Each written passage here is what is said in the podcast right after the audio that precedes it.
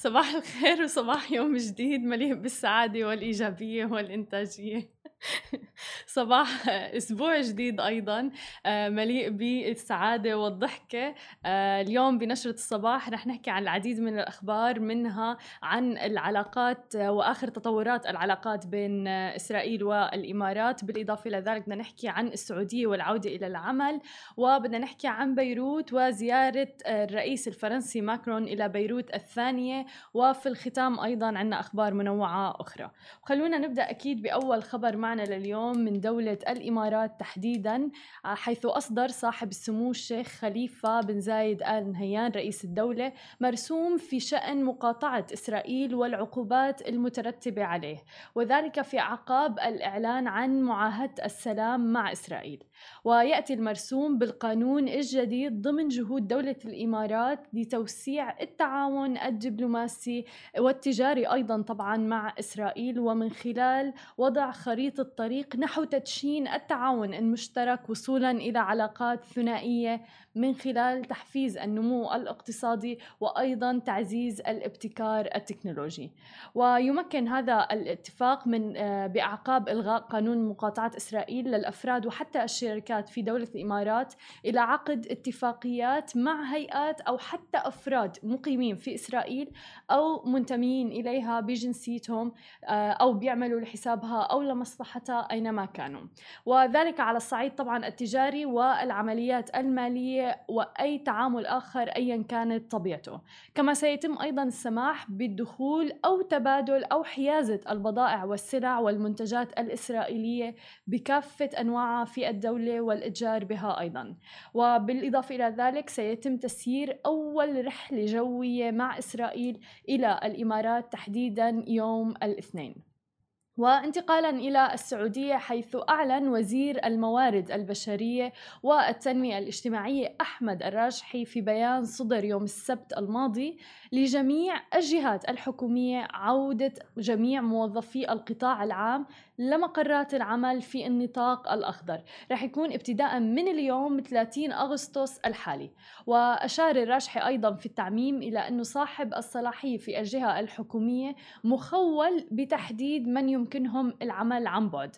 ألا يتجاوز طبعا من يعملون عن بعد 25% من عدد الموظفين الإجمالي. وتضمن قرار عودة الموظفين للعمل منح رئيس الجهة ومن يفوضه بالصلاحية تطبيق العمل عن بعد لعدد من موظفي الجهة اللي بيشترط أن تلتزم طبعا بكل البروتوكولات والإجراءات الوقائية في مقار العمل في المكاتب في السعودية تحديدا في القطاع العام. واشترط القرار ألا تتجاوز نسبة من يعملون عن بعد نسبة 25% من آه، نسبة موظفي الجهة. وتمكين أيضا من يعملوا عن بعد من أداء مهامهم من قبل الجهة الحكومية. كما تضمن أيضا القرار استمرار الفئات الأكثر عرضة للخطر الإصابة بالعمل عن بعد وأنه ما يحضروا للمكاتب وأن يستمر حضور الموظفين وفقا للدوام المرن وساعات الدوام المرنة. إضافة أيضا إلى استمرار العمل بتعليق البصمة. والآن انتقالا إلى لبنان بعد زيارة الرئيس الفرنسي إيمانويل ماكرون للبنان الآن حان موعد الزيارة الثانية. ومع مين تتوقعوا يكون أول موعد له في لبنان؟ مع رمز وطني بيجتمع على اسمه اللبنانيون وأنا برأيي كل العرب. مع فيروز اللي غنت بحبك يا لبنان يا وطني بحبك ولبيروت من قلبي سلام لبيروت. مساء يوم غد الاثنين سيلتقي ماكرون بفيروز على فنجان قهوة لمناقشة الوضع في لبنان قبل أن يبدأ اجتماعاته السياسية في محاولة لإخراج لبنان من المأزق السياسي اللي فيه حاليا.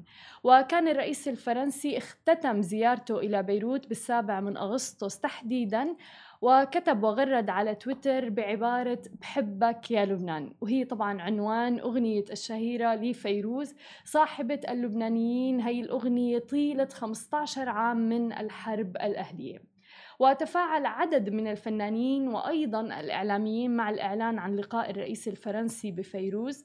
وأعتبر تحديدا الفنان اللبناني ملحم زين أنه الرئيس الفرنسي سوف يحصل على وسام الشرف من رتبة فيروز من خلال هذا اللقاء. لكون هذا الاجتماع بها سوف يدونوا التاريخ في سجله ويتذكروا الرأي العام أيضا أكثر من أي لقاء سياسي آخر.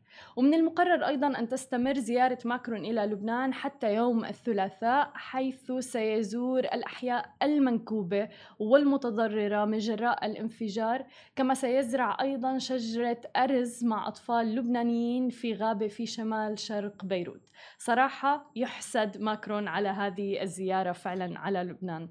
والآن في الختام وبعد صراع استمر أربع سنوات مع سرطان القولون توفي الممثل تشادويك بوزمان بطل فيلم Black Panther عن عمر 43 عام.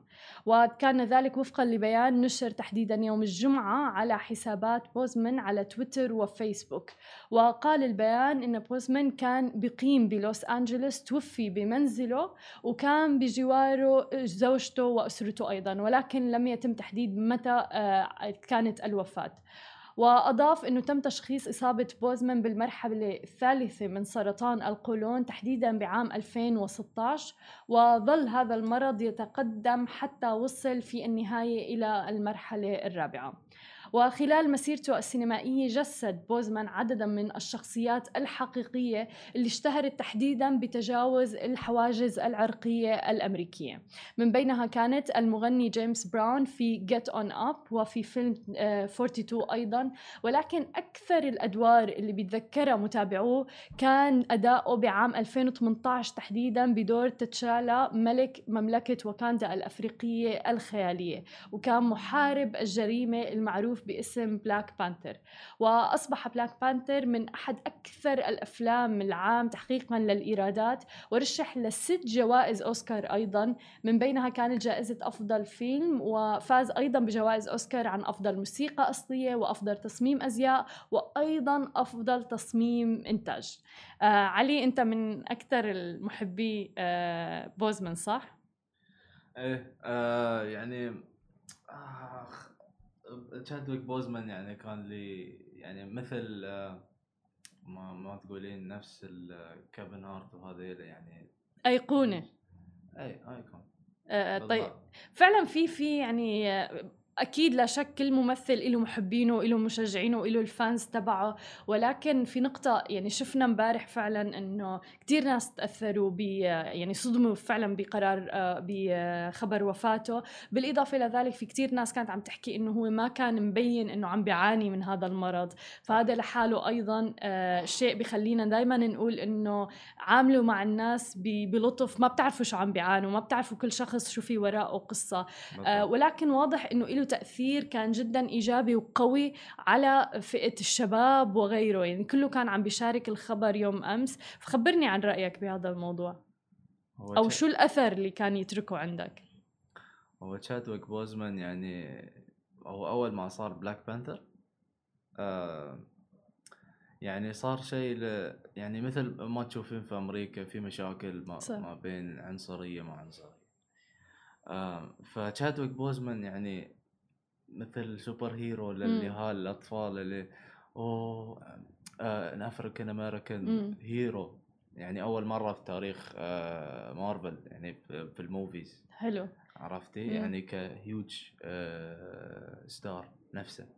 تماما. فعلا يعني انتبهنا على هذا الشيء يوم أمس إنه كل الناس كانت عم بتشارك عم تأثروا كثير والحلو بهذا الموضوع إنه أيضا من الوطن العربي في له محبين كتار يعني. وبنتمنى صدقا يعني إنه يجي اليوم اللي تنتهي فيه العنصرية حول العالم.